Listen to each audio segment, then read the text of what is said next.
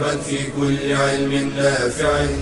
ينمو العلم ويتقدم بتقنياته ومجالاته ومعه نطور أدواتنا في تقديم العلم الشرعي. أكاديمية زاد. زاد أكاديمية ينبوعها. صاف صاف ليروي غلة الظمآن. هذه عقيدتنا الصحيحة فطرة تنفي الشكوك بواضح البرهان بشرى لنا زاد أكاديمية للعلم كالأزهار في البستان السلام عليكم ورحمة الله وبركاته. الحمد لله رب العالمين والصلاة والسلام على أشرف المرسلين محمد وعلى آله وصحبه أجمعين. اللهم إنا نسألك علما نافعا وعملا صالحا وقلبا خاشعا ولسانا ذاكرا. اللهم علمنا ما ينفعنا وانفعنا بما علمتنا واجعله حجة لنا ولا تجعله حجة علينا يا رب العالمين.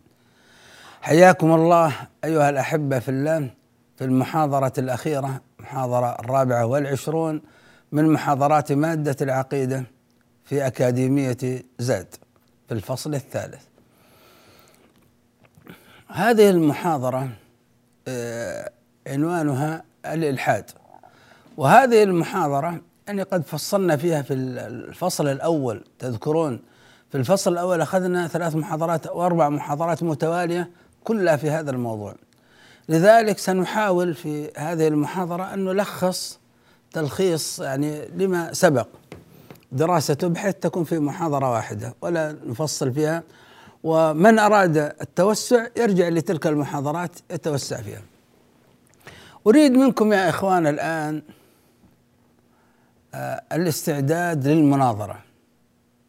لو أحضرت أحد الناس معي هنا يجلس ويريد أن يناظركم.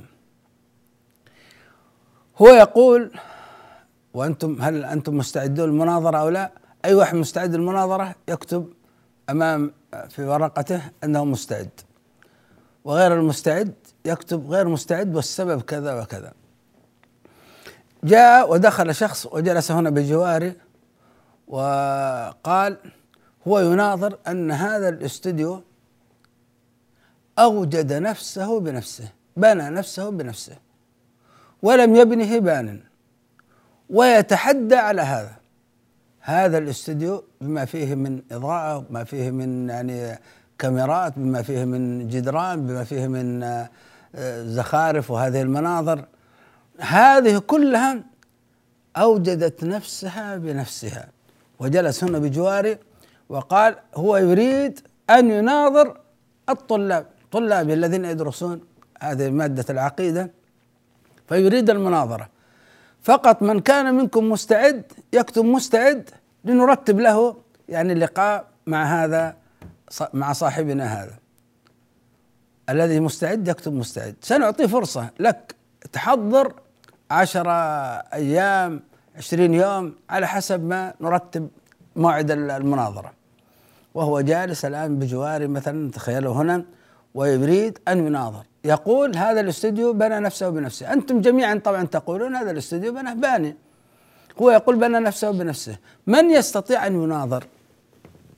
من مستعد للمناظرة؟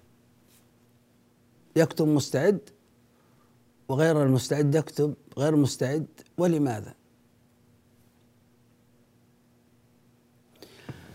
أيها الأحبة في الله من كتب أنه مستعد لمناظرة هذا المجنون فللأسف قد أضاع حظه من العلم. إذا كنت تتعلم لتناظر مجانين هذا مجنون. هذا مجنون لا يمكن لأحد أن يناظره. ولم نتعلم حتى نناظر هؤلاء المجانين. إذا كان الإنسان يتعلم حتى يناظر المجانين والسفهاء إذا هذا سلام الله على علمه. فالذي قال أنه غير مستعد لكون هذا الإنسان فاقد الأهلية مجنون. هذا إجابته صحيحة.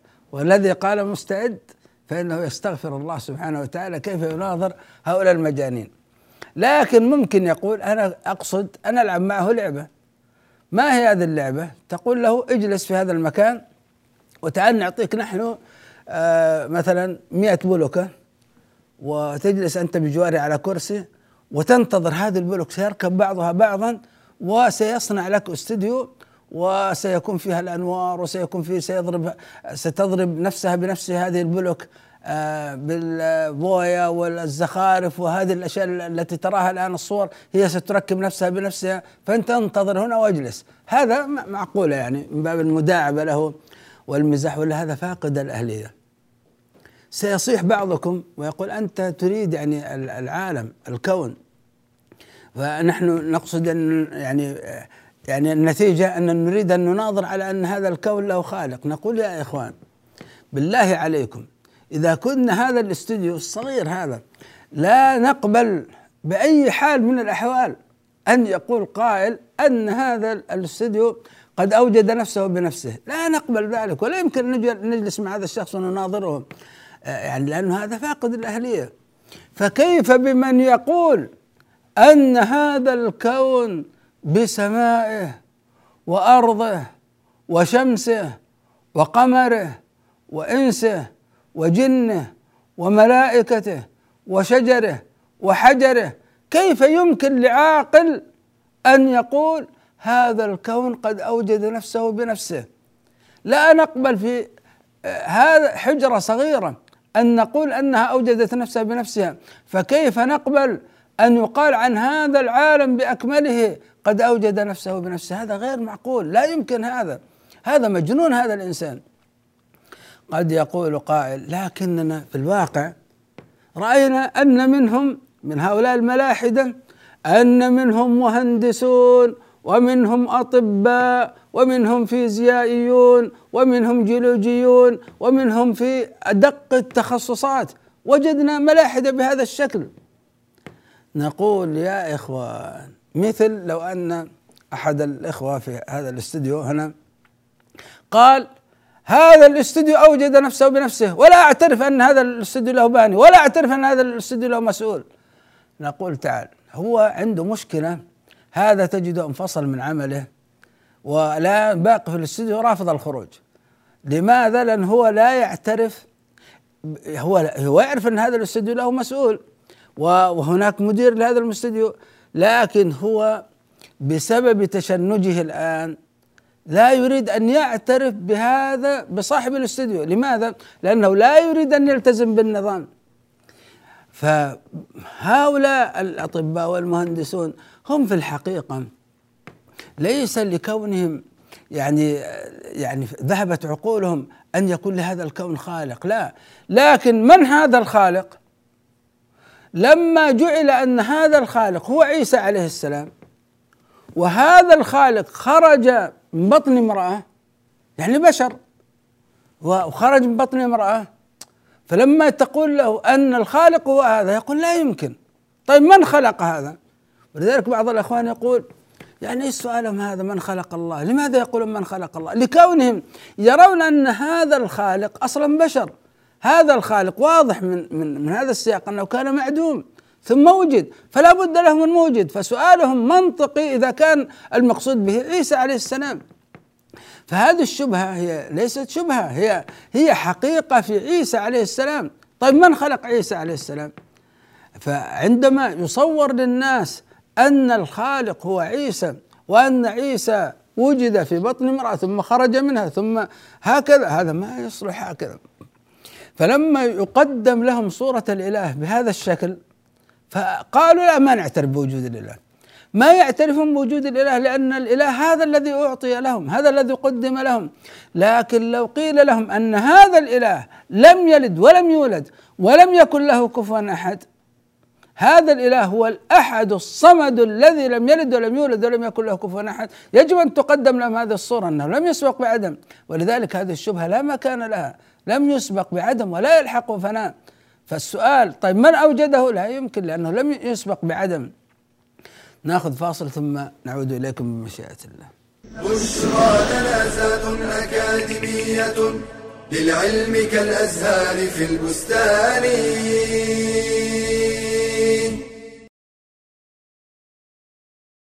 أمانة عظيمة ومسؤولية كبيرة إنها تربية الأهل والأولاد. قال تعالى يا أيها الذين آمنوا قوا أنفسكم وأهليكم نارا. قال علي بن أبي طالب أدبوهم وعلموهم فنعلمهم العقيدة الصحيحة قال تعالى واذ قال لقمان لابنه وهو يعظه يا بني لا تشرك بالله ان الشرك لظلم عظيم.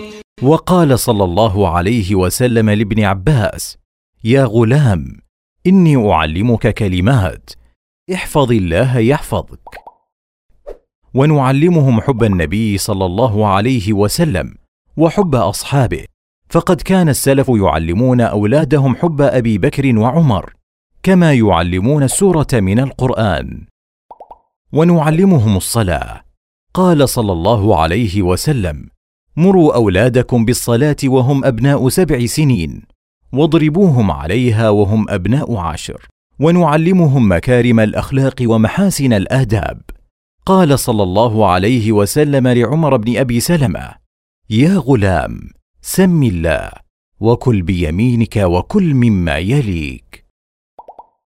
ونعلمهم شيئا من القرآن بأنفسنا أو نلحقهم بحلقات التحفيظ. ونعلمهم الحلال والحرام بالتدريج. ونعلمهم لغة القرآن قبل أن نعلمهم اللغات الأخرى. قال نافع كان ابن عمر يضرب ولده على اللحن. فاحرص على تعليم أهلك. واعلم أن غذاء الروح أهم من غذاء البدن. قال صلى الله عليه وسلم والرجل راع على أهل بيته وهو مسؤول عنهم. بشرى لنا زاد أكاديمية للعلم كالأزهار في البستان. حياكم الله أيها الأحبة في الله. كما ذكرنا لكم في قبل الفاصل أن هناك أسباب جعلت بعض هؤلاء المهندسين بعض هؤلاء الأطباء بعض هؤلاء الفيزيائيين ينكر وجود الخالق سبحانه وتعالى رغم أن الإقرار بوجود الخالق جل جلاله أمر يحكم به كل عاقل. ما ينكر ذلك إلا مجنون. لكن لما كان الصورة التي قدمت لهم عن هذا الخالق أنه عيسى عليه السلام بشر وقالوا لهم دع عقلك واتبعنا وأنهم ثلاثة آه الأب والابن وروح القدس إله واحد لا شريك له ما قبلوا هذه العقيدة.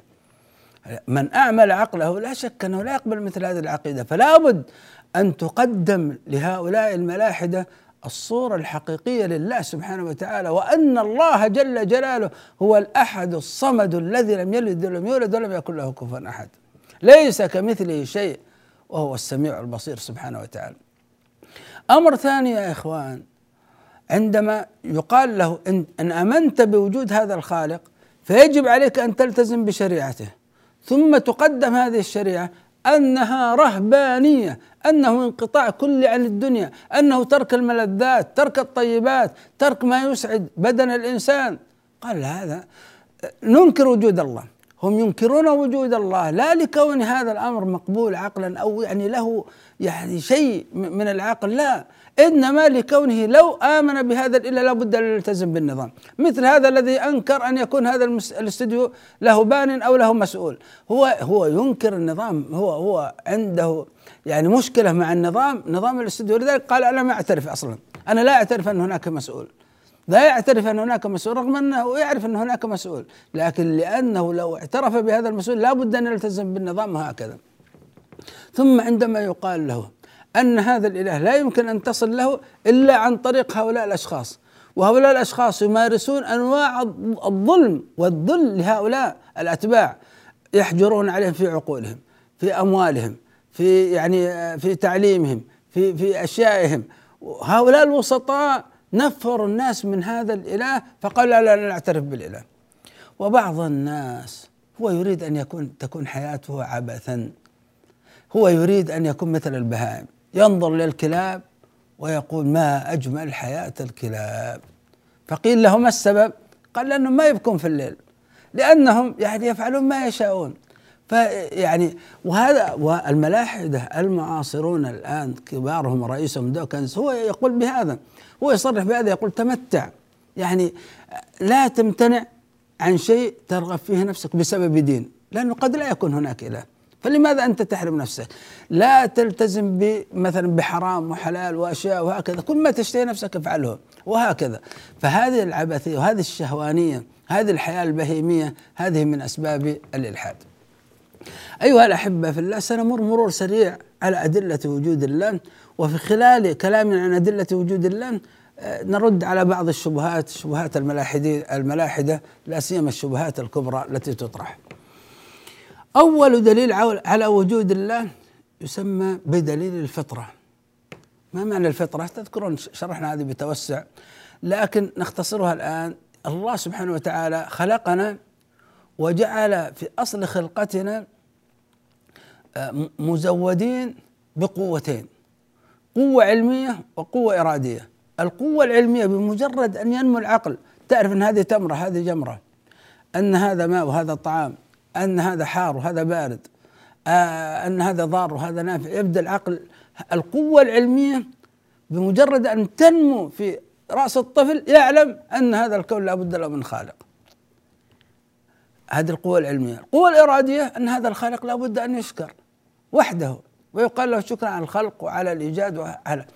هذه القوة العلمية والقوة الإرادية جعلها الله سبحانه وتعالى في أصل خلقتنا. ولذلك هذه القوة العلمية تفرض علينا فرضا بحيث لا نحتاج فيه إلى نظر ولا إلى استدلال إلى القول بوجود الله سبحانه وتعالى. فتقول الدليل الأول على وجود الله الفطرة أن الإقرار بوجود الله أمر مفروض على ذهني فرضا بحيث لا أحتاج فيه إلى استدلال ولا إلى نظر. هذا الأعرابي رأى آثار مسير أقدام. أنت دخلت إلى غرفتك فوجدت آثار أقدام. ماذا تقول؟ لابد أن أحد دخل.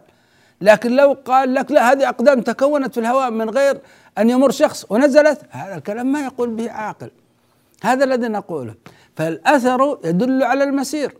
البعرة هذا عند الأعراب ويعرفون وجود بعرة يفحص هذا البعرة يقول لا هذا نوى المدينة هذا هذا الجمال من المدينة هذا الجمال من مكة هذا الجمال والبعرة تدل على البعير. والأثر يدل على المسير. فسماء ذات أبراج وأرض ذات فجاج ألا تدل على اللطيف الخبير؟ هذا ولذلك أول واجب على المكلف عندنا هو النطق بالشهادتين. فإن كان قد نطق بالشهادتين يصلي كان يصلي يصوم وهكذا. نأخذ دليل آخر هذا بعض الناس يحب التطويل في الدليل وأن يكون فيه صعوبة وهكذا تأتي له بدليل الخلق والإيجاد. تقول كل مخلوق من مخلوقات الله هو دليل على وجود الله. هذا من غير النظر في داخل الدليل. لا كل مخلوق من مخلوقات الله يدل على وجود الله. كم عدد الأدلة داخل هذا النوع؟ بعدد مخلوقات الله. كل مخلوق من مخلوقات الله يدل على وجود الله. سيقول كيف؟ تقول تعال أعطيك إياها بشكل عام. رقم واحد العالم مخلوق. سيقول ما الدليل؟ نقول نحن ما نصعب عليك. الدليل المشاهدة. العالم مخلوق الدليل المشاهدة المشاهدة كيف؟ شاهدنا أن هذا الشيء كان معدوما. ما معنى مخلوق؟ أنه وجد بعد عدم ويلحقه فناء. فشاهدنا هذا الفرد من الناس. هذا كان معدوما. ثم وجد ثم بعد وجوده يعدم. فكل الناس كذلك. هذه الشجرة هذا الحجر هذا الجزء من السماء. إذا كل العالم هذا مخلوق. الدليل المشاهدة. طيب سيقول طيب كم نكمل. نقول المخلوق لا بد له من خالق. رقم اثنين العالم مخلوق. المخلوق لا بد له من خالق. سيقول ما الدليل؟ نقول ضرورة عقلية. لا بد أن نحتكم. إذا أنت ما تقر بذلك خلاص لا نكمل الحوار. ضربة. سمعت الضربة؟ قال سمعت. لا بد لها من ضارب قال لا. نقول خلاص ما انتهينا. انتهى النقاش. نغلق النقاش. قال نعم. نقول صح. ضرورة عقلية. هذا ضربة لا بد لها من ضارب. ضرورة عقلية. تعالي لأخوك الصغير. اضربه من الخلف يلتفت. سيقول من ضرب؟ قول له صفعة في الهواء نزلت عليك. ما يقبلها. هذا المخلوق لا بد له من خالق. طيب واحد واثنين. العالم مخلوق. والمخلوق لا بد له من خالق. رقم ثلاثة العالم لا بد له من خالق. من سلم بواحد واثنين يلزمه التسليم بهذه النتيجة العالم لا بد له من خالق. سيقول نعم نعم أنا أعرف أن العالم لا بد له من خالق. لكن يقول هو الخالق هو العدم. العدم نقول كيف يكون الخالق هو العدم؟ أو من غير خالق من غير خالق. العدم العدم موجود. سيقول لا غير موجود. كيف يهب الوجود وهو يفتقده. فهذا مستحيل عقلا. استحالة وجود مخلوق من غير موجد ضرورة عقلية ضرورة عقلية ضرورة عقلية. فهذا مردود من غير خالق يعني العدم هذا مستحيل. سيقول لا نحن الآن نأتيكم. نحن نقول بالطبيعة. أيوة تقولون بالطبيعة. ويقصدون بالطبيعة القوانين والسنن والأسباب. طيب نقول لهم وهذا المثال دائما نكرره وكررناه في الفصل الأول. مثاله مثال شخص كان يعيش وهذا مثال ينطبق عليهم مهما كانوا أطباء مهما كانوا فيزيائيون مهما كانوا ما كانوا. ينطبق عليهم هذا المثال انطباق تام. الأعرابي الذي كان يعيش في البادية والطريق للوصول للماء هو الآبار. يحصل على الماء من الآبار عن طريق الدلو. فعندما جاء إلى المدينة فوجد أن الماء يخرج من الجدار. في قطعة حديد صنبور فكه يخرج الماء. طيب من أحضر الماء؟ إلى داخل المنزل ويعرف أن الماء في الآبار الماء في الأنهار الماء في البحار. طيب من أدخل هذا الماء إلى داخل المنزل؟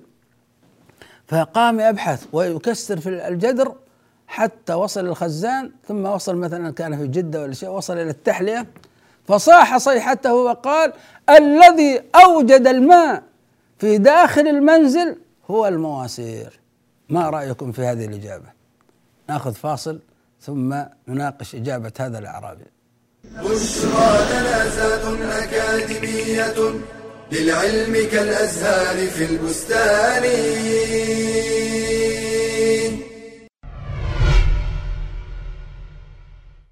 العلم نور يقذفه الله في قلب من يشاء وضياء يمحو ظلمات الجهل. الحرص على طلب العلم والازدياد منه طريق الأنبياء ودرب الأصفياء. وقد رغب الله تعالى نبيه صلى الله عليه وسلم في الازدياد من طلبه فقال وقل رب زدني علما. فهو مما يحبه الله تعالى ويرضاه. ويفتح لك به طريقا إلى الجنة.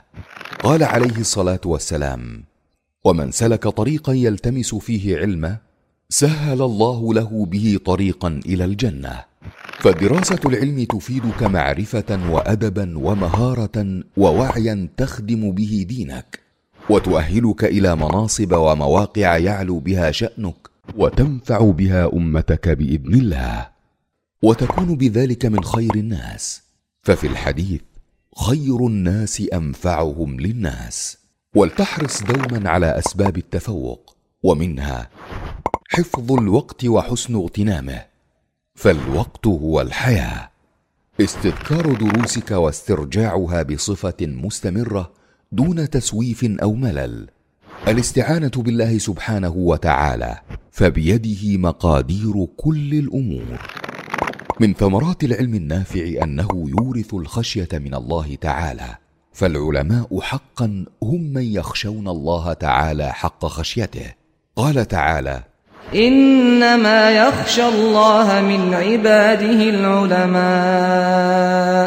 إن الله عزيز غفور. بشرى أكاديمية. للعلم كالأزهار في البستان. حياكم الله أيها الأحبة. ما رأيكم في إجابة الأعرابي؟ قد يقول بعضكم إجابته صحيحة. وإجابته الصحيحة هذه مغالطة. يغلط فيها بعض الناس. هو يجيب عن كيف يعني ما هي الوسيلة التي وصل بها الماء إلى داخل المنزل هي المواسير. لكن الذي أوجد الماء أدخل الماء إلى داخل المنزل هو الإنسان صاحب البيت والحكومة آه، الوزارة وزارة المياه. هؤلاء هم الذين أدخلوا الماء إلى داخل المنزل. هؤلاء الأطباء والفيزيائيون وال هؤلاء مثلهم مثل هذا الأعرابي. بحثوا فوجدوا قوانين وجدوا سنن أوجد الله عز وجل بها الأشياء بعضها عرفوها صحيح ومعرفتهم صحيحا لكنهم أجابوا عن كيف ونحن نسأل عن من. فهذا حيد عن موضوع السؤال. نحن نسأل من؟ وهم يجيبون عن الوسيلة. كيف؟ القانون وهكذا. مثلا من خلق الإنسان؟ كان الإنسان نطفة ثم علقة ثم مضغة ثم آه، صار عظاما ثم كسي لحما ثم خرج من بطن أمه صغيرا ثم صار شابا ثم صار كبيرا. طيب نحن ما نسألك كيف تدرج الإنسان؟ فتقول هذه هذه الطبيعة يعني هذه السنة التي خلق الله عز وجل بها الإنسان وهكذا فتجيب أن هذا هذا الخالق هذا مضحك جدا. هذا مضحك جدا. وإن قال به طبيب وإن قال به فيزيائي وإن قال به من قال. هذا يسمى يعني سنة الله سبحانه وتعالى في كيفية خلقه للإنسان. هكذا خلق الله عز وجل الإنسان. لكن من؟ هو الله سبحانه وتعالى. لا يمكن. بل هذه الأمور من أعظم الدلالة على وجود الله سبحانه وتعالى. كيف يمر الإنسان بهذه المراحل؟ دون رعاية دون تدبير إلهي. ما يمكن ما يقبل العقل هذا. هذا لا بد أن يكون وراء هذا الأمر حكيم متقن لطيف خبير عليم وهو الله سبحانه وتعالى. هذا من أعظم الأدلة على وجود الله. فهذه السنن وهذه القوانين التي يكتشفونها في الكون هذه تزيد من إيماننا بالله. فكيف نجعلها هي الله؟ كيف نجعل هذه الطبيعة هي الخالق؟ ما يمكن هذه كيفية. مثل خرجنا وجدنا سيارة فخمة من صنع هذه السيارة؟ قام شخص يشرح لنا كيف صنعت السيارة. إحنا ما نسألك عن كيف صنعت. نسأل من الصانع. صنع من؟ أين صنعت؟ هذا كوري أمريكي ياباني. هذه السيارة إيه، إيه، من صنعها؟ نسأل عن من وهو يشرح لنا كيف صنعت. فانتبهوا من هذه المغالطة يا إخوان. هذه مغالطة ذهنية قد يغلط الإنسان فيها. طيب سيقول لا الخالق مخلوق آخر. هذا المخلوق خلق هذا المخلوق. مثلا الإنسان خلقه الأرض. الأرض خلقتها السماء. السماء كذا. مخلوق يخلق مخلوق. هذا مستحيل لأنك أنت تقول مخلوق. فتسلسل الفاعلين ممتنع ضرورة عقلية. لا بد أن نصل إلى وهذه النتيجة أن يكون وراء هذا العالم خالق لكن هذا الخالق مختلف في وجوده. فوجوده لم يسبق بعدم ولا يلحقه فناء لا بد أن يكون هذا الخالق مختلف في ذاته فليس كمثل شيء من مخلوقاته. لا بد أن يكون هذا الخالق لا مثيل له في أسمائه ولا في صفاته. من هذا الذي لم يسبق بعدم؟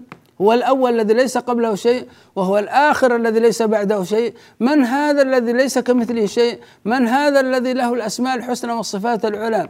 ولا لا سمي له في أسمائه ولا في صفاته. هذا هو الله سبحانه وتعالى وهذا هو المطلوب إثباته.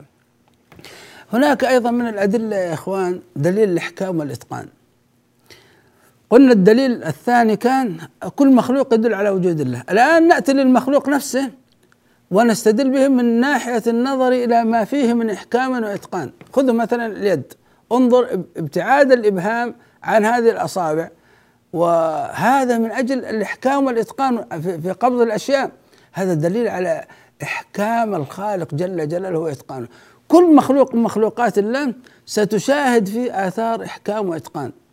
حتى قال يعني بعض الإخوان الميكانيكيين قال اليد فيها عدة كاملة. فيها مفتاح ثمانية مفتاح عشرة مفتاح 12 24 فيها كذا مفتاح بهذا الشكل فيها كذا. يعني هذه المفاصل في اليد طبعا العين الأنف كل ما في الإنسان كل ما في أي مخلوق من مخلوقات الله سترى فيه آثار الإحكام والإتقان. هذا الإحكام وهذا الإتقان الموجود في كل مخلوق من مخلوقات الله المدرك حسا لا يمكن أن يكون من غير سبب. هكذا من غير سبب تبتعد هذه ما يمكن من غير سبب. أو يوجد لها لذاتها هي تفعل بنفسها هكذا لا يمكن. النتيجة لا بد من وجود خالق عليم حكيم خلق المخلوقات بهذا الإحكام والإتقان وهو الله سبحانه وتعالى. هناك دليل آخر يسمى دليل التخصيص. التخصيص يعني نأتي إلى آه، المخلوق نفسه. مثلا نأتي إلى الفم. ماء الفم عذب. ماء العين مالح. ماء الأذن مر. ما الذي جعل هذا له هذه الخاصية وهذه الخاصية وهذه الخاصية؟ الآن لو كان ماء الفم مالح بالله عليكم كيف سنشرب الشاي؟ نحتاج إلى كيس سكر تضع في في, في الكاسة حتى تتذوق طعم الشاي مثلا أو طعم الحلى في الشاي. لو كان ماء العين عذب لا العين فسدت فسدت هذه العين. آه، ماء الأذن لو كان حلو وكان له رائحة طيبة لنام الإنسان فدخلت الحشرات. هذا التخصيص المدرك حسا لا يمكن أن يكون من غير سبب أو يوجد لها لذاتها. النتيجة لا بد أن يكون هناك خالق عليم حكيم خلق المخلوقات بهذه الخواص. دليل التقدير. نرى يا إخوان في الكون لن تنزل الأمطار. المطر النقاط هذه من المطر من أي مسافة تأتي؟ تأتي من مسافة بعيدة. لو كان حجم الماء هذا النازل أكبر مما هو عليه الآن لا ما استطاع الناس يعيشون ولا ما ت... الآن الناس يمارسون الرياضة والمطر ينزل. بل البرد ينزل. بل الثلج في بعض البلدان الثلج ينزل وهم يمشون في الشوارع ويستمتع. يا, يا الله! لو كان هذا الثلج أكبر مما هو عليه وأراده الله سبحانه وتعالى إذا ضرب في رأس الإنسان يخرج من دبره. مثل الطر الأبابيل عندما رموا على الكفار على أبرهة ومن معه رموا عليهم تلك الحجارة خرقتهم تخريق حتى صاروا كعصف مأكول مثل أوراق الشجر. يضرب الحجر فيخرق الورقة. هكذا هم تخرقوا تخرقوا بسبب هذا. هذا التقدير في في هذا الكون في, في نزول المطر بهذا الأمر لا يمكن أن يكون هكذا من غير سبب أو يوجد لها لذاتها بل لا بد من وجود خالق عليم حكيم خلق المخلوقات بهذا التقدير المحكم المتقن وهو الله سبحانه وتعالى. ثم أيها الأحبة في الله كل دليل من الأدلة يدل على كون النبي مرسل من عند الله وأنه صادق في كلامه هو يدل على وجود الله. الآيات والبراهين التي جاء بها الأنبياء جميعهم. كل آية وكل برهان جاء به نبي يدل على وجود الله لأنه يقول هذا الدليل أعطاني الله سبحانه وتعالى إياه. فأدل الأدلة والبراهين هذه كلها من أدلة وجود الله. أيضا إجابة الدعاء يقف هذا النبي ويأتي يأتيه الأعرابي كرسولنا صلى الله عليه وسلم ويقول يعني أجدبت الأرض وهلكت المواشي وجاع الناس ادعوا الله أن يسقينا. فيرفع النبي صلى الله عليه وسلم يده ويدعو الله والسماء ليس فيها أي سحابة. فما ينتهي من خطبته صلى الله عليه وسلم حتى نزل المطر ويظل المطر أسبوع كامل. ثم يأتيها الرجل نفسه أو غيره ويدعو الله سبحانه وتعالى فيقول اللهم حوالينا لا علينا اللهم على الآفاق اللهم اللهم على منابت الشجر وهكذا فيتوزع ذلك المطر. كذلك النصر على الأعداء كذلك الدين الذي جاء به كل نبي الدين وهو دين الإسلام كلهم جاءوا بدين الإسلام. النظر في الدين الإسلامي الذي جاء به الأنبياء كله يدل على وجود الله. النظر إلى شخصية كل نبي ونبينا صلى الله عليه وسلم شخصيته وأخلاقه تدل على أنه رسول الله وهذا الدليل في الوقت ذاته هو دليل على وجود الله. أيها الأحبة في الله ما يذكر من شبه إنما هي أيها الأحبة في الله أمراض نفسية إنما هي أهواء. ولذلك ينبغي للإنسان أن يملأ قلبه يقينا بالله سبحانه وتعالى وينشغل بعبادة الله جل جلاله. وهؤلاء إذا كان حصل الإنسان العلم وأستطاع أن يبين لهم ويدعوهم ويعلمهم فجزاه الله خيرا. وإلا فإن الإنسان يبتعد عن شبهات هؤلاء عن شبهات هؤلاء لأن أغلب هذه الشبهات انتبهوا لها بسبب عدم معرفتهم لله. ينظرون إلى هذا الإله مثل ما ينظرون إلى البشر ينظرون لعيسى مثل ما ينظر الإنسان إلى إنسان. ولذلك يطرحون هذه التساؤلات تطرح على بشر. اعتراضات على بشر هذا صحيح. أما من عرف الله سبحانه وتعالى وأنه حكيم وأنه قدير وأنه لطيف وأنه خبير وعرف الله سبحانه وتعالى بأسماء الحسنى وصفاته العلى هذه الشبهات لا مكان لها لا مكان لها لا في قدر الله ولا في شرع الله ولا في يعني حسن الظن بالله هذه كلها تمحى. من عرف الله جل جلاله من عرف الدين الإسلامي الحق فإنه تنتفي عنه تلك الشبهات. ومن لم يعرف الدين الإسلامي ستبقى له تلك الشبهات. لا يسعنا في ختام هذا الفصل إلا أن ندعو الله سبحانه وتعالى أن يكون ما تدارسناه خالصا لوجه الله وأن يكون ما تدارسناه معينا لنا على طاعة الله مقربا لنا إلى الله جل جلاله. اللهم أصلح لنا ديننا الذي هو عصمة أمرنا وأصلح لنا دنيانا التي فيها معاشنا وأصلح لنا آخرتنا التي فيها معادنا. اللهم اجعل الحياة زيادة لنا في كل خير واجعل الموت راحة لنا من كل شر. وصلى الله وسلم وبارك على عبده ورسوله محمد وجزاكم الله خيرا. يا راغبا في كل علم نافع متطلعا لزيادة الإيمان. وتريد سهلا النوال ميسرا يأتيك ميسورا بأي مكان. زاد زاد أكاديمية ينبوعها. صاف صاف ليروي غلة الظمآن. هذه عقيدتنا الصحيحة فطرة تنفي الشكوك بواضح البرهان. بشرى لنا زاد أكاديمية للعلم كالأزهار في البستان.